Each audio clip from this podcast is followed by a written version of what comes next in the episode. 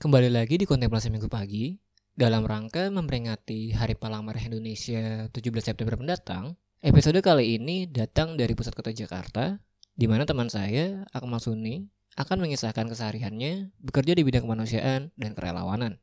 Di sela-sela momen silaturahmi dengan beberapa teman lama, ada Asyari, Arif, dan Lingga waktu itu, Akmal sebagai pemadam kebakaran sektor 3 Manteng bercerita tentang kiosnya Jakarta yang mengalami pemadaman listrik secara massal bulan lalu.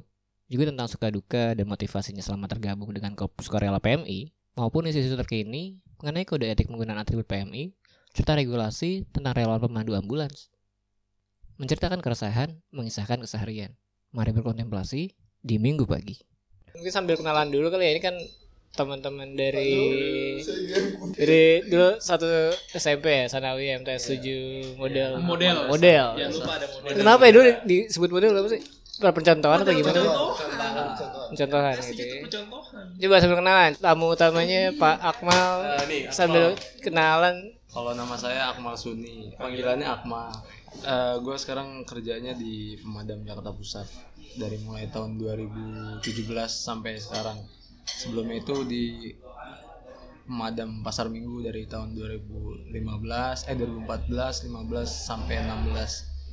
Sekarang kerjanya di pusat, tepatnya di Kecamatan Menteng. Kalau lebih tepatnya lagi posnya itu di Taman Ismail Marzuki atau Oh, Planetarium. nah itu statusnya tetap kontrak atau gimana Kalau statusnya sekarang masih pegawai kontrak. Oke, kontrak Tapi bisa tetap. Ya, insya Allah bisa doain oh, aja. iya, oke Bisa jenjangnya berapa tahun? Prosesnya berapa tahun? Kalau kurang tahu itu tergantung pemerintah DKI Jakarta. saya, saya tahu. Selain itu kan kayaknya dulu eh, kalau nggak salah juga aktif di PMI ya. Itu gimana ceritanya, Bang? Dulu Maksudnya pas lulus dari dulu kan dari MTS 7 ke Manpat.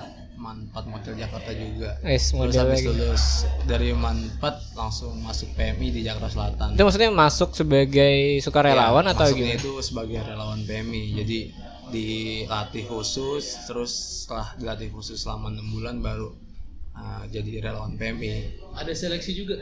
Ada seleksinya juga Dari berapa orang? dari seratusan. Yang terima satu Seluruh lu nggak? Indonesia. Nggak. Enggak di Jakarta, Jakarta Selatan aja. Kan PMI Jakarta Selatan. Sekarang masih di PMI sebagai apa? Sekarang masih kalau dulu kan 2000 sekarang berapa? 19. 2017, 2018 jadi komandan di Wih. relawan PMI Jakarta Selatan. siap siap Karena komandan. jabatannya cuma 2 tahun jadi Oh. 2019 lengser biar periodiknya jalan. Nah itu Akmal, coba yang lain siapa yang mau kenalan dulu? Halo, nama gua Arif. Kesibukannya sekarang itu sebagai vendor IT di PT Bank Mega. Itu udah hampir 2 tahun. Itu Arif ya, mungkin satu lagi.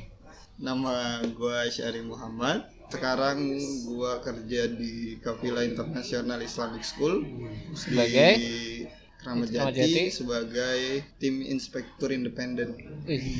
Tim inspektur independen itu dia semacam audit internal lah bahasanya. Jadi dia itu eh, Audit sih ya. audit. Ya memang eh, bahasanya hanya controlling terkait SOP. Apakah SOP itu berjalan atau tidak?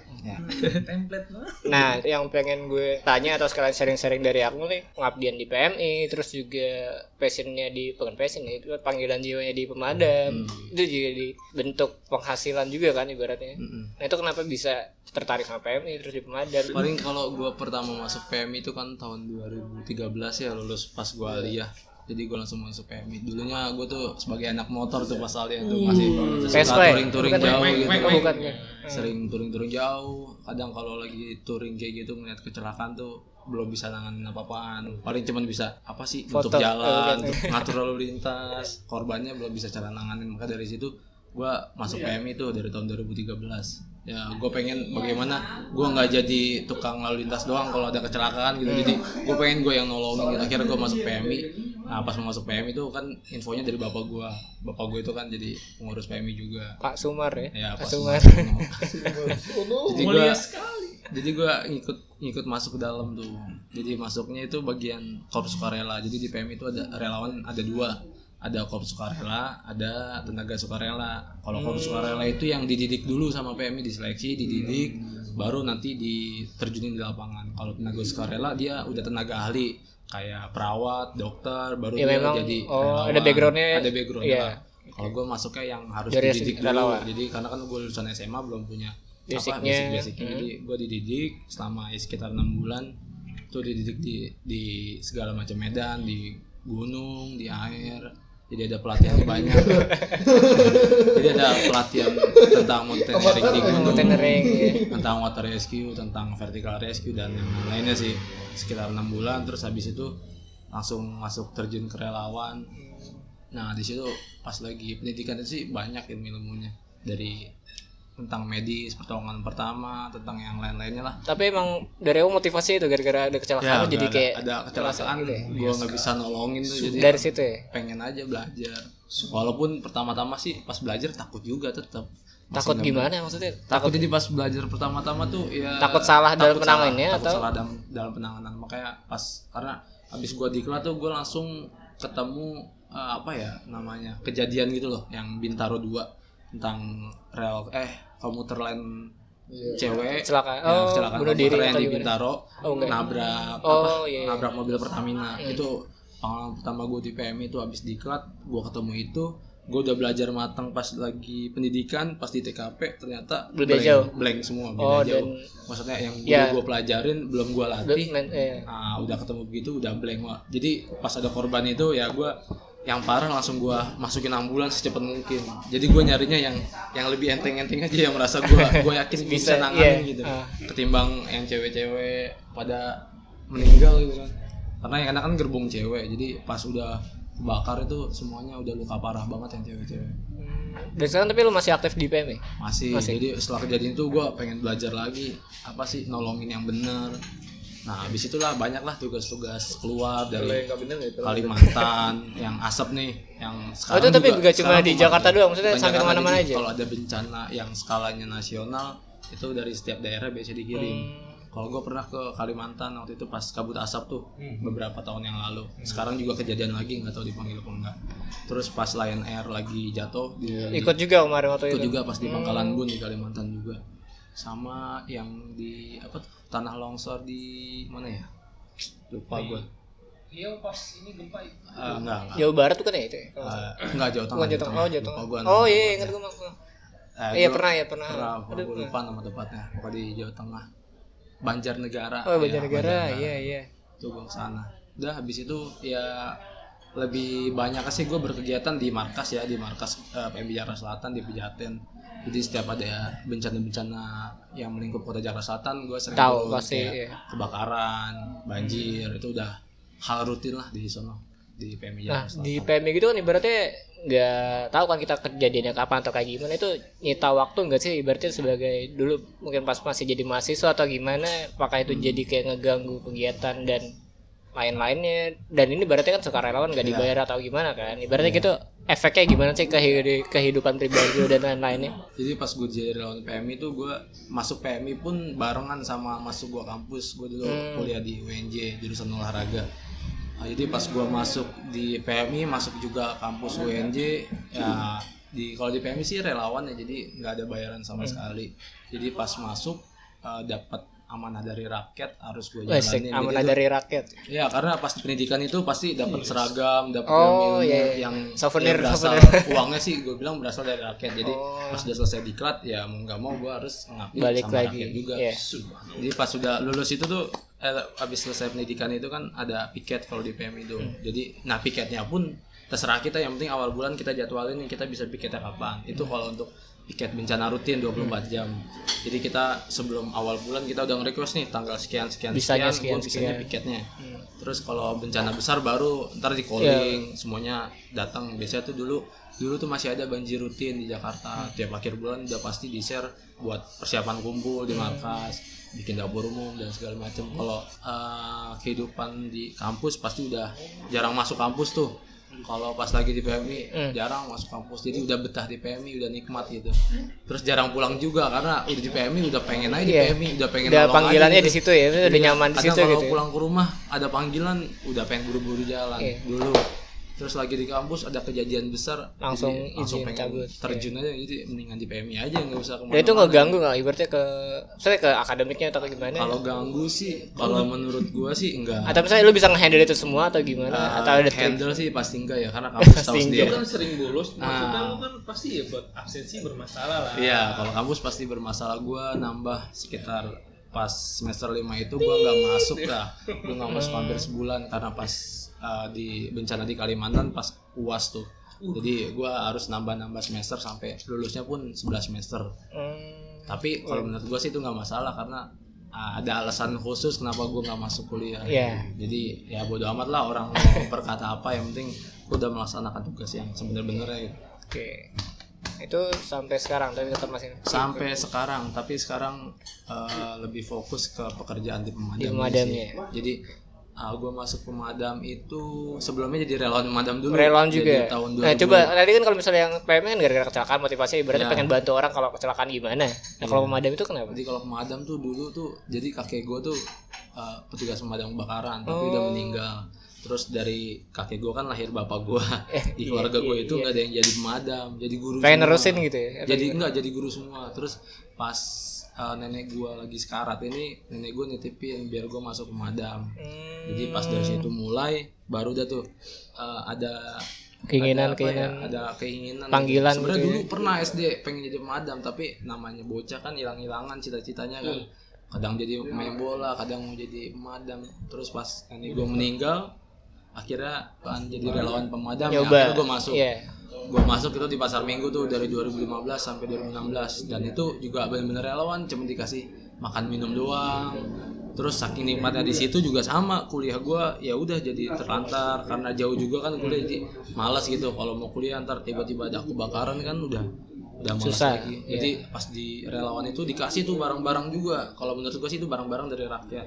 Jadi dapat jaket juga dapat sepatu juga. Terus selama 2 tahun tuh cuma dapat makan minum doang Nah, habis itu tahun 2017 baru dah ada pembukaan pegawai, Pegawai. kontraksi dulu namanya eh, eh, operasional, petugas operasional pemadam kebakaran. Itu gue masuk seleksi karena Jakarta Selatan nggak buka jadi gue pertama kali itu kenapa masuk Jakarta Pusat ya karena itu Jakarta Selatan Masih belum buka. ada, ya. nggak nggak buka sama sekali jadi yang buka cuman pusat utara barat timur sama Kepulauan Seribu jadi gue masuknya ke Jakarta Pusat Pusat. Jakarta Pusat masuk dah masuk pemadam ya itulah awal mulanya gue masuk pemadam jadi dari keluarga gue yang bapak sama adik sama gue jadi ada yang jadi masuk pemadam gitu. Dari dulu.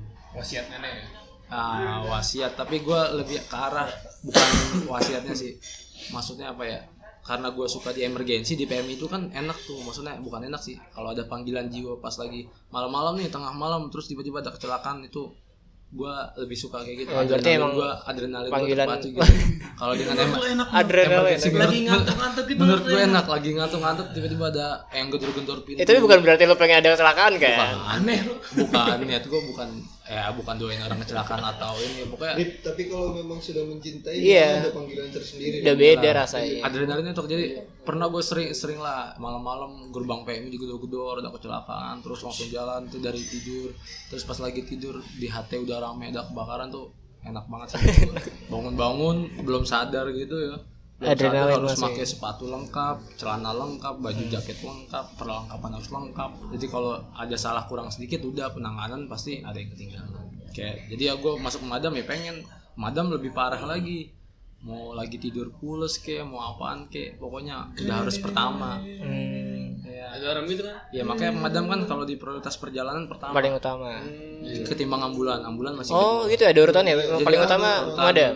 Nih Hmm, polisi bapak sama- perintahan nih lingga jadi ada Eh, pertama pertama itu Pertama apa? Presiden teh. Ada. Oh enggak. Presiden. Presiden juga Pertama bukan. pemadam. Lebih tinggi statusnya eh, pemadam daripada itu presiden. pemadam karena kan api jauh lebih Di- cepat nyam- Nah, nyambernya tapi gitu jauh lebih cepat nyambernya kalau ambulan kan maksudnya eh, masih bisa ditangani ambulan iya. itu bulan jadi pemadam pertama kalau di pemadam tuh udah bener-bener apalagi paling kalau gue bilang sih paling seru ya paling seru tuh disamperin sama warga. Disamperin sama warga. disamperin sama warga paling seru.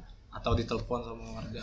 Jadi udah disamperin warga udah warga minta buru-buru jalan kita juga harus siap-siap tuh lagi keadaan ya mau keadaan malam siang sore pagi mau kita habis bangun tidur mau baru bangun tidur atau pas lagi ngapain lagi Iya. makan kan Harus siap, ya. siap cepet-cepet Kemarin pas mati listrik lu ke mana-mana nggak? Sama pemadam atau dari PM gitu? pas mati Atau mungkin ada listrik, kejadian apa Ya. pas itu? itu tuh dari senior gue yang paling tua sampai yang paling muda itu pas kemarin habis padam listrik itu udah rekor kebakaran pertama kali itu paling Paling banyak dalam satu hari gitu. Paling banyak dalam satu hari karena pas eh, apa listrik padam itu gua pas banget lagi jaga jadi kalau pemadam tuh jaganya satu hari 24 jam. Terus habis besoknya ganti regu lagi besoknya ganti regu lagi. Jadi pas gua itu paginya masih aman-aman aja tuh. Kan mulai siang Siang nih kalau siang. Terus listrik padam. Nah gua kira tuh Biasa lah ya. di pos gua Ah. doang. Terus pas ada laporan di pemadam kan ada HT ya. Jadi laporan sejakarta pusat itu ternyata mati lampu semua. Sampai yang di gedung MPR pun mati lampu akhirnya pas dicek ternyata seluruh Jakarta bahkan sampai Pulau Jawa, Jawa, ya. iya. Pulau Jawa lah beberapa ya hampir seluruh seluruh bagian lah di Pulau Jawa. Nah pas di situ tuh udah mulai terdeteksi tuh. Jadi pas habis laporan-laporan semua di gua laporan apa ya pertama tuh mulainya orang kejebak di lift. Oh, iya. banyak. Gua pun Itu dipanggil. pemadam juga yang itu pemadam yang jadi pemadam tuh tugasnya bukan hanya madamin do madamin doang Abi, sekarang. Ya hampir mirip-mirip pemadam Amerika lah. Kucing Sampai iya bener ada kayak kucing gitu di juga. atas. Tawon, kejebak tawon, aja. sarang tawon. Madam juga yang ngambil sampai Kunci jatuh ci- selokan. kunci jatuh sampai cincin nggak bisa dilepas di jari pun Eh lu bisa ke mana? Ini kan gue dari dulu ya apa namanya ada gelang nih. Gue pengen copot nggak bisa bisa. Gimana ya caranya?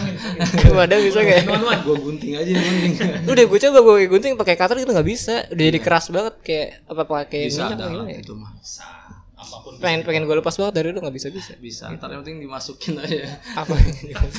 jadi eh, bukan dimasukin ke media bagus pemadam sekarang eh, gratis loh jadi Maksudnya gratis? eh, jadi semua Oh, kegiatan memang pemadam nggak itu ada nggak non- ada iya. duit sama sekali jadi Iya, iya. warga itu nggak boleh sama sekali ngasih Tapi kalau biaya dikasih apa pun. nolak apa Dikasih gimana? tetap nggak boleh kita wajib nolak Nggak boleh gratifikasi Nggak sama boleh. sekali. nggak boleh gratifikasi sama sekali jadi pemadam tuh Kalau mau dikasih, dikasih, dikasih minum juga nggak boleh. kelas nah kecuali kalau minum ya tergantung lah Ya siapa tahu sebenarnya bentuk gratifikasi atau Jadi buat gimana? teman-teman misalkan di Jakarta ya khususnya ya, itu udah gratis semua. Mau Oke. Ada kebakaran jangan mau lah kalau sampai diminta pemadam laporin aja Ya. orangnya. Oh gitu. Nah, Kalau ada oknumnya ya, ke mana malah laporin? Ya laporin jadi ke pemadamnya atau Pada tahu nggak hotline pemadam? Gue sekarang kan gua nggak tahu. media sosial udah banyak. Laporin aja di Oke. viralin aja kalau enggak. Media sosial lu maksudnya Instagram lu. Iya, iya. Iya. Instagram gua Apa dong? kan. Apa coba?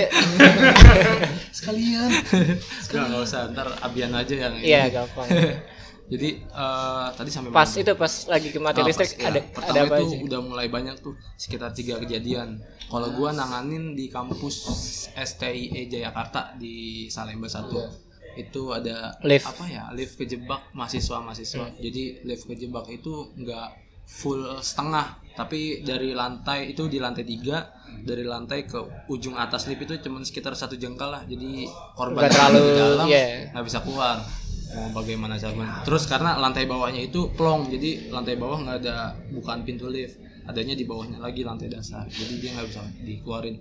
Dia dia tuh awalnya mas satu orang doang di sana. Jadi dia tuh uh, Panik sejam, lah ya pasti kalau dia sendiri kira- doang lagi kan. dia kira padam listriknya sebentar lah. Jadi dia Tapi lama itu belum, berapa- belum laporan oh, belum laporan belum ada apa. akhirnya pas sudah ternyata lama baru laporan ke pemadam gua nyampe ya udah gua buka dengan alat-alat gua Nah itu dapat memang dari pendidikan udah dapat kayak Ah, gitu. udah dapat udah dapat jadi gue tuh kalau khususnya di tim rescue nya tim penyelamat jadi ada perlengkapan khusus buat ngebuka baja ada perlengkapan khusus buat katrol ngangkat lift tersebut.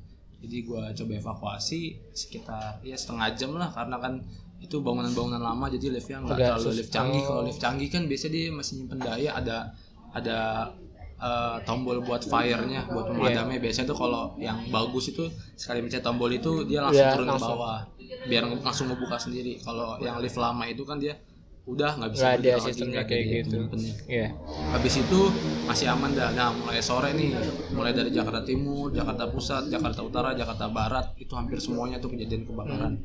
Itu sampai kalau pusat tuh tempat gua dapat malam tuh jam 1 eh jam 12 jam 12 malam dapat di belakang pos gua. Jadi ada warga datang. Jadi gua lagi santai-santai depan ngobrol warga dari belakang datang mama lagi. Teriak-teriak udah wah kebakaran rumah saya. Jadi udah buru-buru siap-siap di belakang planetarium tuh ada uh, rumah warga gitu. Jadi gue datang ke sono padamin untungnya nggak terlalu besar. Terus yang pas udah gue balik nih ini gue balik Ada lagi? nih.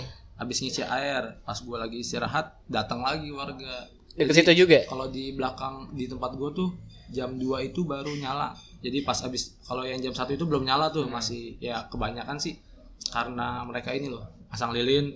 Terus Tiduran. lilinnya, wadahnya lilin tuh nggak dikasih air atau ya Oh, iya. jadi dia tuh lilinnya entah sampai jatuh entah nyamber ke yang kanan kiri. Terus orangnya ketinggalan tidur kan nggak tahu. Bayangan kayak gitu. Terus pas gue balik ke pos eh, warga datang lagi dari belakang cowok bilangnya aula PSKD di samping seberangnya. Seberangnya jadi tadi. setelah TKP 1 kan ada kali seberangnya itu ada aula gitu. Jadi ada orang datang warga bilang pak ada asap pak di aula ini pak.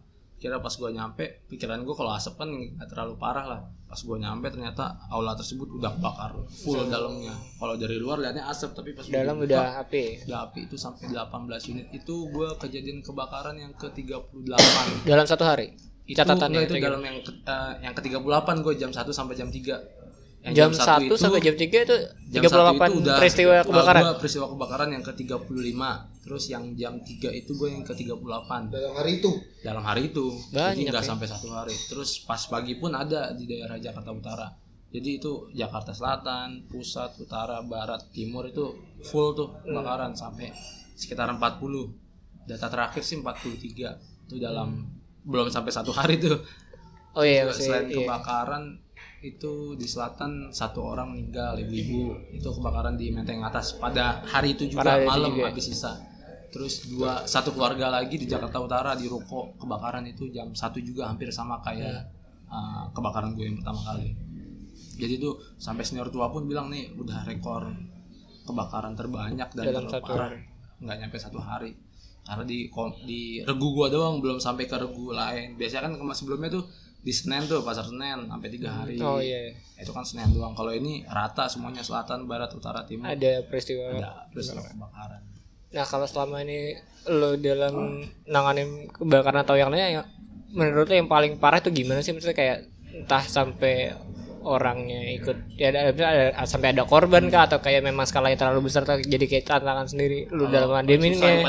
Paling Iya, susah. ibaratnya kayak gitu. Kalau Ada paling nggak? susah tuh uh, satu gue bilang paling susah dulu ya. Paling susah itu di Jakarta Pusat itu walaupun kawasan elit tapi warganya itu masih Susah. masih belum paham gitu.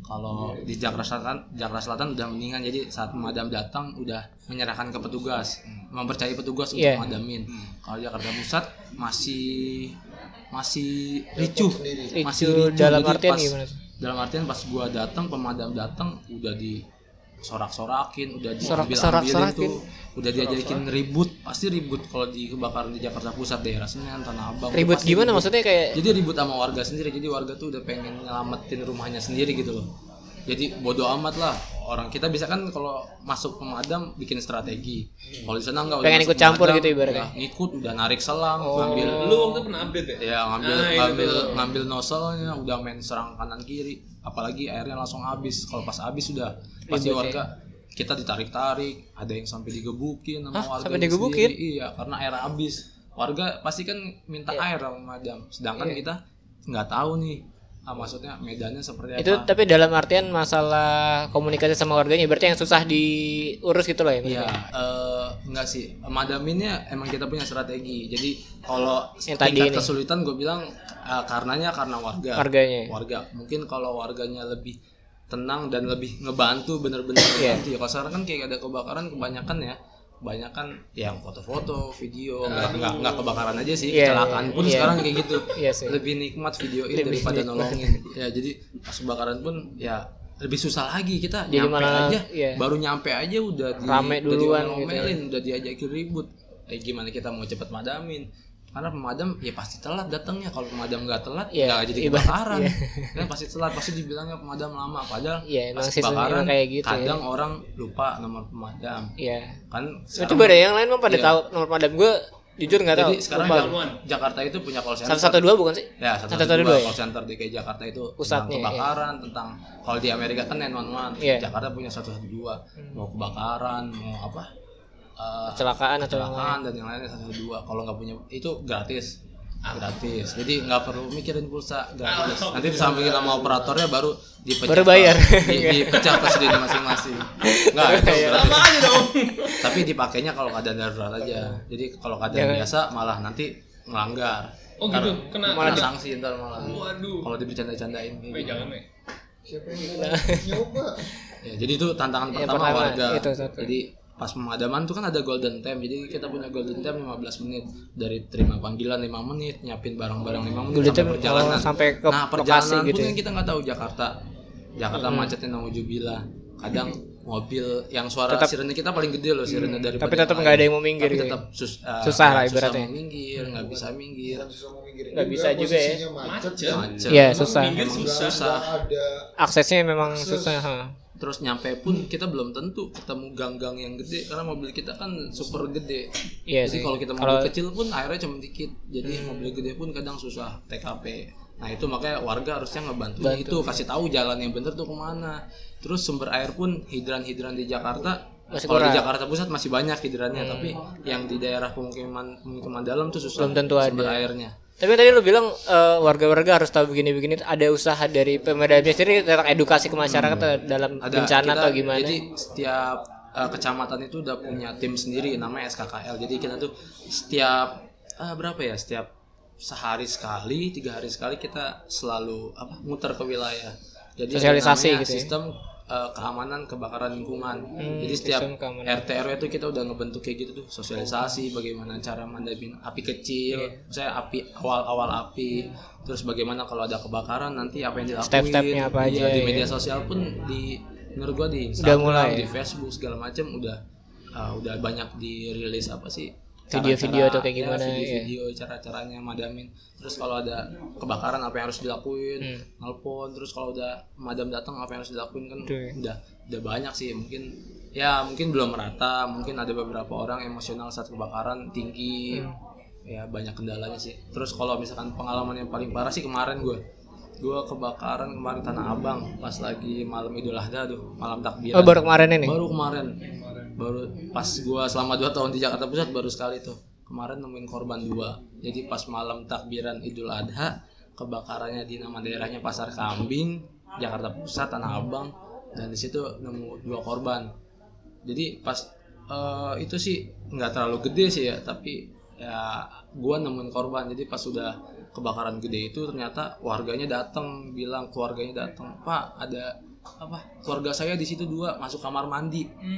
Nah jadi pas gua cek kamar mandi itu kamar mandi ada di pojok dan itu ketebalan apa sih ya bara-baranya itu sekitar 60 cm dari lantainya. Jadi kita harus ngurek-ngurek dulu tuh bara-bara. Jadi dia tuh lantai dua lantai duanya tapi nggak permanen kayu-kayu Oh, jadi iya, dari iya. atas karena apinya gede full ambruk, ke Ambruk ke bawah. bawah. dan dia katanya nyelamatin dirinya ke kamar mandi.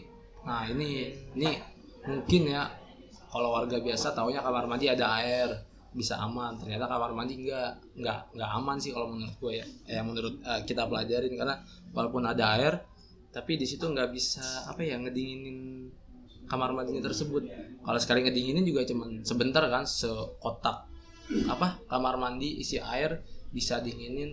Terus kita belum tahu api yang di luar Se- kan se- sebesar apa, lama iya. sebesar apa. Mendingan kalau ada kayak gitu lebih baik cari jalan keluar, Keluar. aja jangan cari kamar mandi yang ada eh, bisa kejebak di kamar mandi Itu maksudnya yang paling parah dari segi korban korbannya kayak gimana Ya, jadinya atau memang kayak korbannya. gimana? soalnya Dari yang lu pernah alamin selama ini gitu. Ya dari gua di Jakarta Pusat, kalau di gua di Pasar Minggu udah banyak juga sih. Hmm. Maksudnya kalau selama gua jadi pegawai kontrak di pemadam, nemuin korbannya pas kemarin tuh, jadi dua dua korban. Udah gua tadinya yang ketemu kucing, kucing Oh, mati, kucing. Kucing. mati ling. Jadi di atas tuh kucing mati. Oh pak, bukan bukan, manusia. Ah, tet- tapi keluarganya tetap yakin gitu. masih kita kan kita kan nggak mungkin.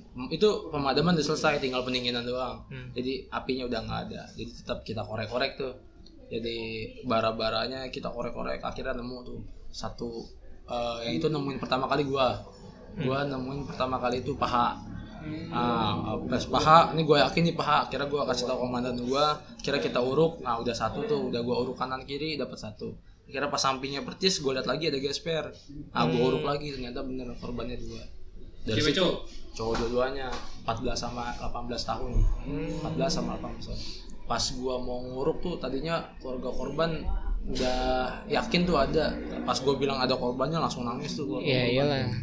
Terus pas udah gua keluar udah nah Hmm. senangnya gua tuh di pemadam atau di PMI tuh abis ngelakuin tindakan pasti dikenang sama warganya gitu loh bro.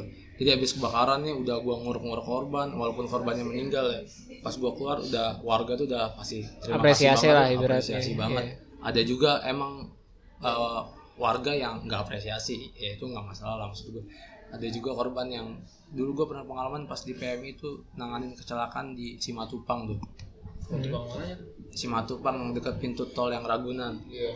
jadi Oh, gue iya. ya gue lagi naik motor kecelakaan tuh gue udah belajar PMI gue tolongin gue sampai masukin ke rumah sakit ternyata seminggu sebulannya gue ditelepon tuh sama orang yang kecelakaan Iya. tersebut minta terima kasih sama gue kan gue nyantumin nama di rumah sakit Iya. terima kasih ternyata dia masih bisa selamat Masih inget ya.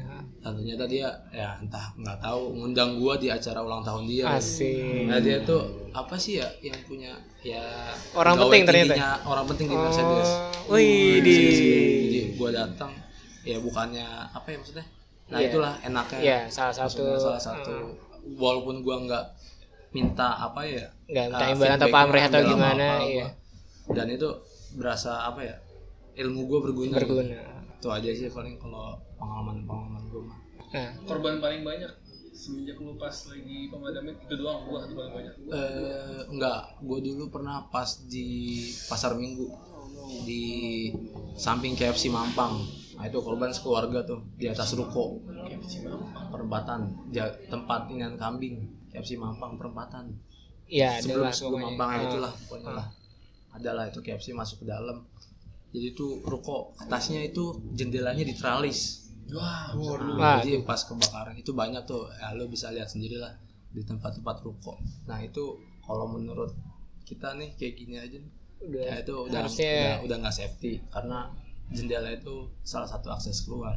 Walaupun emang kalau segi keamanan Iya, mungkin perlu mungkin ya. menurut dia ya rawan rentan maling ya. Iya. Tapi ya intinya kalau kita kan ngejar safety-nya. Hmm. Kalau safety ya jangan sampai jendela-jendela yang keluar di teralis karena pas lagi kebakaran itu salah satu dia tuh korbannya ada di lantai dua ruko. Yang kebakar bawah sama atas jadi dia udah nggak bisa ke mana-mana di atas Mungkin sambil sharing juga sih mas. Sebenarnya kalau dalam peristiwa kebakaran apa sih yang harusnya kita lakuin? Karena dulu kan gue juga pernah ya ngalamin kebakaran di rumah gue.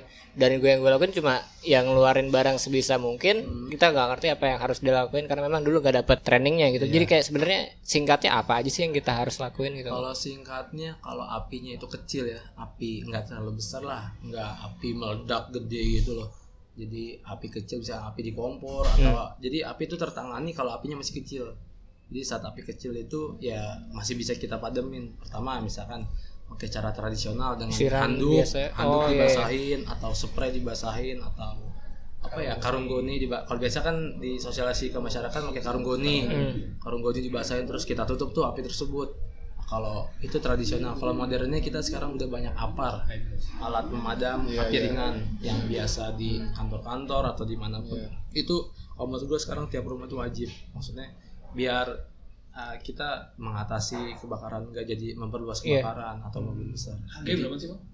wah kalau harga tergantung kiloannya pak Oh, ternyata ya, mungkin bisa ke langsung ke tempatnya. Cek toko sebelah, Pak. saya nggak menjual tempat-tempat alat-alat tersebut. Bukan distributor. ya bukan. Ada ada tempatnya khusus. Enggak enggak di endorse malah. Oh, gak dia itu ya bisa loh harusnya. Eh tapi kalau untuk beli-beli apart itu ada izin tertentu ada atau enggak ada sih? izinnya ada izinnya. Pasti setiap PT pasti punya izin izinnya Ya enggak maksudnya kan kalau ditaruh di rumahan kan berarti kan seenggaknya minimal harus ngurus izin gitu kan. Oh, enggak. gimana Itu gitu. atau, atau, atau kita pengen punya harus ribet gitu ibaratnya. Enggak, Iya, enggak. takutnya- itu mah tinggal beli aja kalau apa mah Penjualnya kalau tinggal beli Oh, ke penjual penjualnya, penjualnya oke, baru harus iya, punya iya. izin jadi ya yang penting apar lah apar Oh, berarti kalau untuk konsumennya nggak harus Nggak ada- harus. Enggak. Iya. jadi sesuai kebutuhan kitanya aja dan mungkin uh, paling itu sih apar kalau emang apinya nggak bisa tertangani atau kita udah make apa pemadaman tradisional. Pakai apar nggak bisa juga. Nah baru langsung telepon ke pemadam. Jangan langsung uh, apa ya? Eh, berarti langsung panik kan ibaratnya Iya. gimana gimana. Terkadang Hmm, kadang panik emang kadang lupa. Jadi main memadamin aja. Iya. tapi nggak tahu kalau akibatnya ntar kebakarannya meluas. Jadi kita kita mencegah sebelum kita nanganin coba ada salah satu yang nelpon. Terus Hmm. sambil kita kan Indonesia kan saling bergotong royong. Jadi pasti kan cepet tuh kalau kebakaran mau di mana pun mesti saling gotong royong. Apa? Muter-muterin api mati-matiin api. Nah itu. Yang penting sih kalau emang yang penting jiwa selamatin jiwa, Jiwa, dulu. Iya. jangan sampai kalau ada yang di dalam panggil aja suruh keluar. Atau kan kejebak di kamar ya diusahakan ambil tuh orangnya. Kalau udah kejebak api ya selimut kita spray kita kita basahin kita lilitin ke tubuh kita. Kita ambil untuk keluarnya untuk Ya, nyoba keluarnya kayak gitu. buat kita apa kalau kita kejebak di api di dalam. Jadi kain atau basah spray basah kita lilitin ke tubuh kita kita keluar tuh. Ya insya Allah sih nggak nggak terpapar sangat sangat parah sih. Seenggaknya Ya, jiwanya selamat gitu lah. jiwanya ya. selamat. Yang penting jiwa dulu. Kalau jiwa udah selamat ya kalau misalkan harta benda yang masih bisa diselamatin selamatin. Iya. Kalau nggak bisa ya diprioritasin jiwa jiwanya dulu. Terus pas sudah keluar kita tempat pemadam nah kita kasih tahu aksesnya. Oh. akses masuknya dari mana terus sumber air kira-kira yang Ada bisa digunain di mana di kali mana atau punya hidran atau punya kolam renang dikasih tahu pemadamnya oh masuknya dari gang ini pak. Kalau gang ini nggak muat kecil. Supaya memudahkan pemadamnya juga ya, biar ibaratnya cepet juga pemadamnya. Kalau misalnya misalnya nih sumber air jauh dari tempat Iya. kebakaran nih dia ada selang selang ininya kan itu ada maksimal nggak sih di selangnya itu ada jadi pemadam tuh punya banyak mobil jadi pemadam tuh nggak semua mobil itu isinya Sama, air semua ya. Hmm. jadi ada dan yang punya air itu kan mobil pompa banyak macamnya ada yang kecil ngisinya 2500 liter ada lagi yang medium lah setengahnya 4000 liter. Ada lagi lebih parah lebih gede lagi 10000 liter. Itu gede banget ya? ya gede banget tapi tetap kalau udah ngeluarin air banyak kan pasti habis-habis juga. Jadi biasanya buat rangkaian tuh dari depan ke belakang sampai ke sumber air.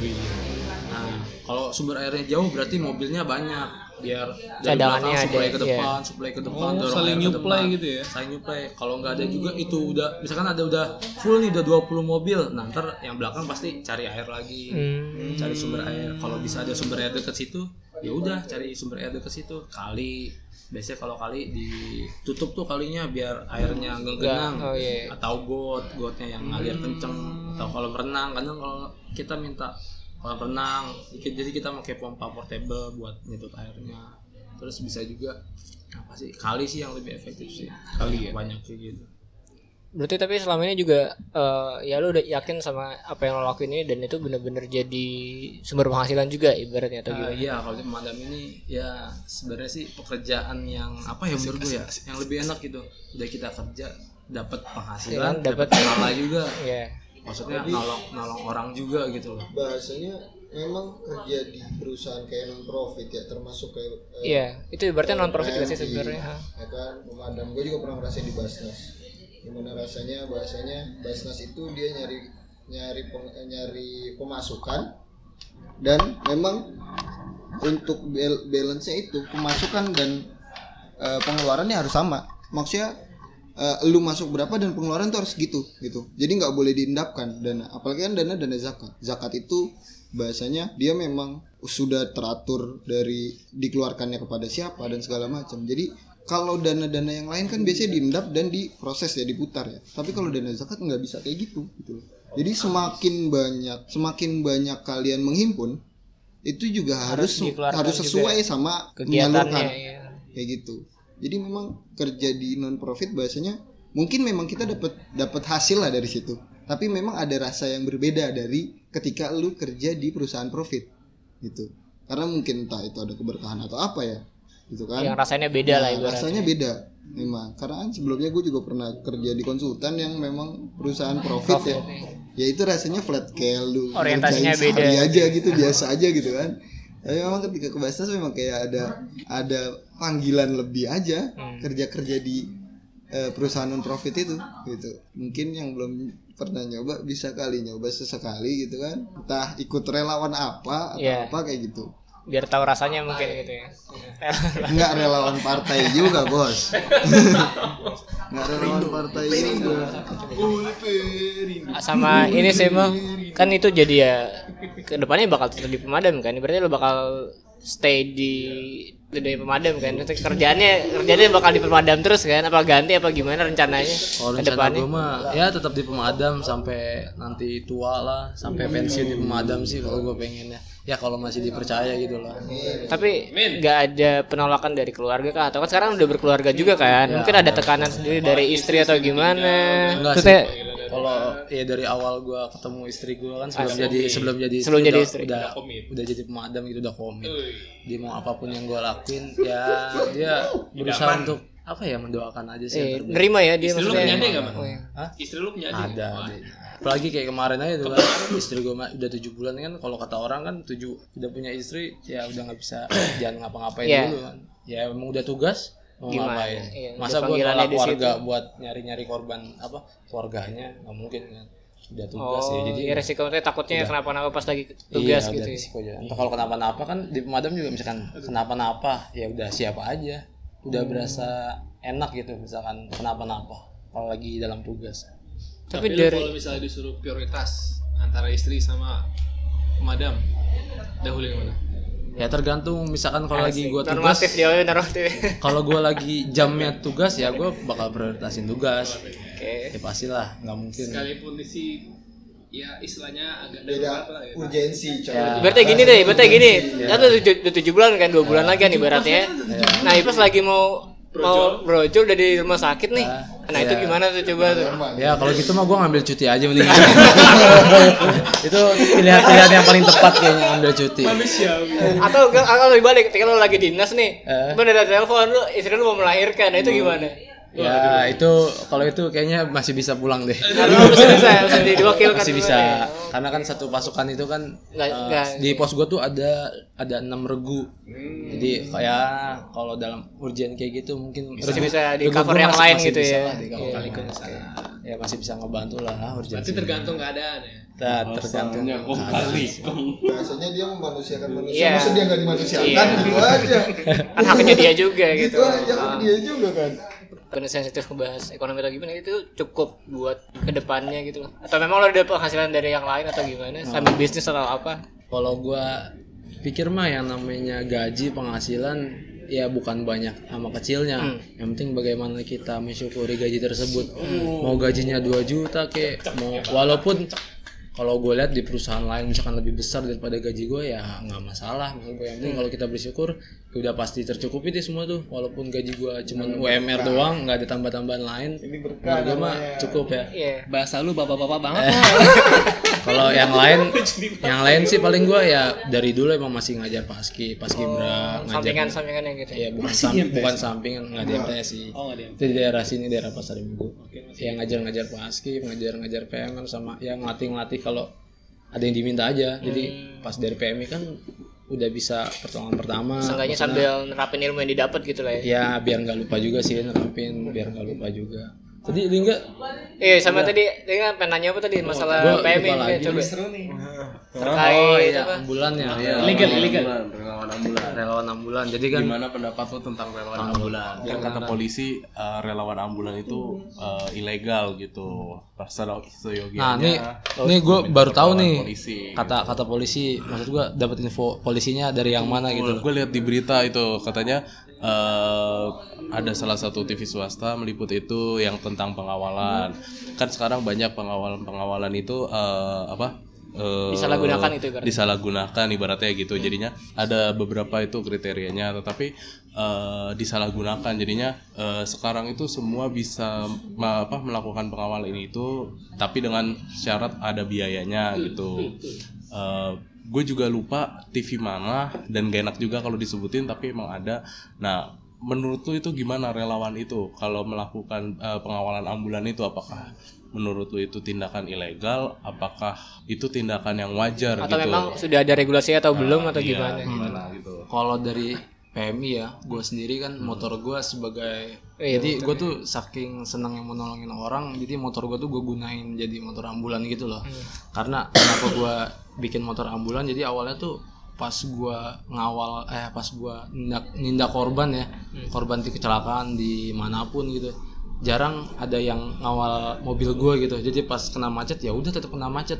Mau per- perempatan itu lagi merah ya tetap aja merah. Jarang yang ngebantu Oh, jarang jalan ngebuka gitu. jalan. bahkan polisi di perempatan pun kadang eh, Bingung gitu ya. nggak nggak mau kasih kita jalan gitu loh. Jadi ya makanya gue mau gunain motor biar pertama biar cepet nanganin. Terus kalau masalah ah, peraturan sebenarnya PMI itu dari 2017 udah ah, mencoba RUU kepalang merahan. Jadi sampai bahkan sebenarnya sih dari 1000 eh pas 45 1945 eh sih 1945 ya? Iya. itu kan PMI lahir kan. Nah di situ udah ada apa sih pedoman pedoman tentang palang merahan yang sampai sekarang. akhirnya tahun 2019 tuh jadi eh, apa undang-undang palang Undang-undang. merahan. Jadi undang-undang palang merahan udah ada tuh peraturan-peraturan palang merah dan segala macem terus masalah tentang relawan PMI kalau relawan PMI sendiri ya gue bahas ini kan tadi kan relawan secara umum. Iya. kalau relawan PMI sendiri sebenarnya itu udah punya regulasi tetap. Jadi udah punya undang-undangnya tentang kepalang merahan jadi kalau yang namanya PMI yang lambang PMI nah itu udah diregulasiin. Maksudnya masalah apa sih? Kalau ada kebencanaan ya. Ini kan masalah pengawalan. Kalau masalah kebencanaan masalah tentang terjadi korban kecelakaan dan segala macem ya ada syarat-syaratnya dengan menggunakan lambang PMI sekarang kan banyak lambang PMI yang disalahgunakan. Jadi misalkan mobil ambulan uh, dari swasta pakai lambang PMI nah itu sebenarnya nggak boleh. Atau rumah sakit atau klinik pakai lambang PMI sebenarnya nggak boleh karena PMI itu lambang sakral di negara Indonesia. Karena tiap negara itu punya lambang Ada palang merah sendiri. atau bulan, Bulan sabit, sabit merah sendiri. satu secara khusus. Jadi saat terjadi peperangan atau konflik itu diatur di konvensi Jenewa. Jadi itu harus salah satu kita pakai. Kalau di Indonesia berarti kita pakai PMI jadi nanti kalau ada konflik misalkan Indonesia dengan Malaysia ya kita harus menggunakan lambang PMI atau palang merah. Karena dengan menggunakan lambang tersebut itu nggak boleh diserang sama sekali makanya itu lambangnya kita punya undang-undang. Jadi harus diundang-undangkan biar kita uh, jadi aman. Kalau masalah pengawalan ambulan gue sendiri pun dulu pas pertama kali yang masih punya motor ambulan uh, gue masang strobo masang toa Iya. dan gue yakin itu gue bener kalau gue ya yang gue lakuin. Karena di peraturan kepolisian pun tentang apa tentang rambu-rambu apa tuh bahaya merah biru sama kuning dan palang merah pun termasuk di merah jadi di lambang Prioritas strobo merah ya. itu ada namanya khusus ambulan terus palang merah. Dan gua ya masih punya Masih- ah, apa kartu palang merah Indonesia karena Artinya palang merah- legal itu. ya kalau menurut gue dan gue juga pun dapat surat tugas dari PMI jadi ada SK-nya kalau sekarang untuk yang relawan-relawan yang lainnya kan banyak tuh yang Iya, awal banyak. ambulan. Eh, gimana ya? Kalau menurut gue sih kalau gue masalah apa sih kemasyarakatan boleh karena dari pihak kepolisian pun atau pihak pemerintah pun jarang yang bantu ngawal eh, ambulan-ambulan yang non pemerintah ya. Jadi kayak ambulan warga nih misalkan nih karena misalkan yang kita sering lihat deh apa mobil jenazah? Kan Iya. banyak dikawal tuh Iya, sama iya, warga. Iya, iya. ya emang ugal-ugalan. Gue juga Jadi kurang ngeliatnya bener takutnya ya. terjadi kecelakaan saat itu. Tapi eh, ternyata kereta jenazah itu atau mobil jenazah juga termasuk prioritas Hmm. prioritas dalam pengawalan Iya. harusnya berarti kan dikawal Harusnya kalau dikawal. pihak kepolisian dan ya jarang sekali mobil ambulan yang dikawal oleh pihak kepolisian ada tapi mungkin mobil ambulan yang punya pemerintah punya DPR punya orang-orang Bukan yang khusus umum atau ya. yang Iya. ya tadi bisa dibilang ngebayar polisinya ya ya itu kan masuknya mobil-mobil khusus tuh ada tuh di peraturan paling terakhir di peraturan dari AJ itu ada mobil khusus. Ya itu gua nggak tahu lah tentang cara pembayaran atau gimana gua nggak tahu. Pokoknya secara menurut gua kalau apa yang penting normatif dan emang nggak ada yang dibantu oleh pihak kepolisian atau apa pun ya boleh-boleh aja. Yang nggak boleh yang ugal-ugalan itu. Kadang kan yang nggak pakai helm yang main gebuk sana sini yang main nutup jalan sana sini. nah itu sebenarnya membahayakan diri dia sendiri sih tapi ya secara kemasyarakatan menurut gua itu ini Indonesia banget Iya, saling ngebantu dan apa-apa saling gitu. gotong royong asalkan tertib aja sih gitu link Nah ini satu lagi, Eh kan lu tadi ngomong apa eh, lambang PMI, lambang PMI nggak boleh ditaruh di rumah sakit swasta dan lain-lain. Terus kalau lambang apa rumah sakit swasta itu untuk eh, mengisyaratkan di ambulans itu ditulis apa gitu? Apakah hanya ambulance atau apa gitu? Apakah ketika mobil ambulans swasta eh, yang bukan non PMI ya tadi kan itu boleh bikin tanda apa itu Tanda namanya? PMI-nya ah atau- iya simbol oh, iya, iya. palang palang merah ya Palang merahnya Ya, atau itu boleh dipakai apa enggak boleh dipakai Ada atau atribut-atribut enggak kayak gitu Ah, misalnya. seperti itu Pokoknya kalau yang apa pun dengan simbol palang merah itu nggak boleh kecuali PMI. Itu maksudnya PMI dan TNI ya. tidak bolehnya dalam artian menjiplak sama sekali atau mungkin kayak Menjiplak sama sekali maksudnya harus atau salah satunya juga nggak boleh. mendekati juga nggak boleh. Mendekati juga nggak boleh. Kayak di ya kita contoh di negara lain pun sama. Jadi kalau ada yang menirukan atau persis lah di kopi itu nggak boleh Iya. sama sekali. Jadi kalau ambulan dengan apa rumah sakit lain itu biasanya di dinkes itu diatur dengan palang hijau. Oh beda. Nah, itu ada palang hijau. Jadi beda kalau di PMI kan pakai palang merah. Nah, di biasa di Dinkes tuh setahu gua ada peraturannya itu menggunakan palang hijau dan menggunakan ya di luar eh, PMI lah. Karena taunya tuh PMI ya hanya satu maksudnya ya PMI aja misalkan di rumah sakit lain pakai PMI takutnya nanti saat terjadi konflik ya kan Jadi nanti masalah ikut-ikutan konflik. iya. Jadi kecuali kan dan dia ya belum tahu tentang sejarah palang merah Jadi, tentang iya. eh, ah code of, eh, code of con- konflik Iya. COC. Takutnya nggak merepresentasikan PMI lah Ya, nggak gitu ya. mempresentasikan PMI kalau terjadi konflik atau apa pun. Kan PMI itu kan sifatnya netral. Jadi mau siapa pun yang dia bawa Nggak ya harus tetap netral. iya. Nah, Mau gimana pun ya nggak bakal ditembak-tembakin. Takutnya. lain. Nih ambulan swasta nih pakai lambang PMI terus ada konflik. Ternyata di dalam ambulan PMI ada batu atau ada senjata. Di PMI itu kan nggak boleh. Aduh. tapi di lain malah memanfaat Sensitif jadi ya jadi ya. jadi memanfaatkan lambang palang merah Indonesia itu. Karena lambang PMI itu sakral. Iya. saat lagi kejadian bom di JW Marriott aja yang boleh masuk PMI yang lain nggak boleh masuk. Karena PMI emang bener-bener di luar negeri pun sama, ada apa pun pasti eh, ya palang merah lah Red namanya. Cross, Red, Red Cross. Red Cross pasti Red Cross tuh udah pasti paling pertama. Karena ah iyalah. Tanda karena ada tanda perlindungannya kalau PM itu. Mungkin kalau closing statement gue mau ngebagiin moto hidup gue aja sih ya. Oke. jadi gue tuh dari pas masuk awal PM itu gue punya moto kayak gini. Separuh hidup kita buat kita sendiri separuh hidup kita tuh harus yang satunya lagi harus kita kasih nih buat separuh hidup mereka yang sangat membutuhkan. Oke. jadi ada orang-orang lain di luar sana tuh separuh hidupnya membutuhkan separuh hidup kita. Jadi kita hidup bukan hanya separuh eh Buat kita hidup kita sendiri. tuh bukan hanya kita sendiri tapi separuh kita tuh masih harus kita korbankan ke orang lain yang sangat membutuhkan. Intinya jangan egois lah jangan diri sendiri jangan mau Pentingin punya milik sendiri. aja tapi bagiin lah walaupun hal terkecil. Kecil sih dari gua. Khairun nas anfa'uhum linnas. Apa tuh, Mek? Sebaik-baiknya manusia adalah yang bermanfaat untuk orang lain. Eh, sekian untuk kontemplasi minggu pagi kali ini. Semoga obrolan kami barusan informatif dan bisa bermanfaat ya. Oh iya, jangan lupa tanggal 17 September lusa itu diperingati sebagai Hari Palang Merah Indonesia. Sekiranya mungkin bisa kita peringati dengan turut serta mengikuti kegiatan donor darah ataupun kegiatan serupa lainnya di sekolah, kampus, atau tempat kerja kita masing-masing.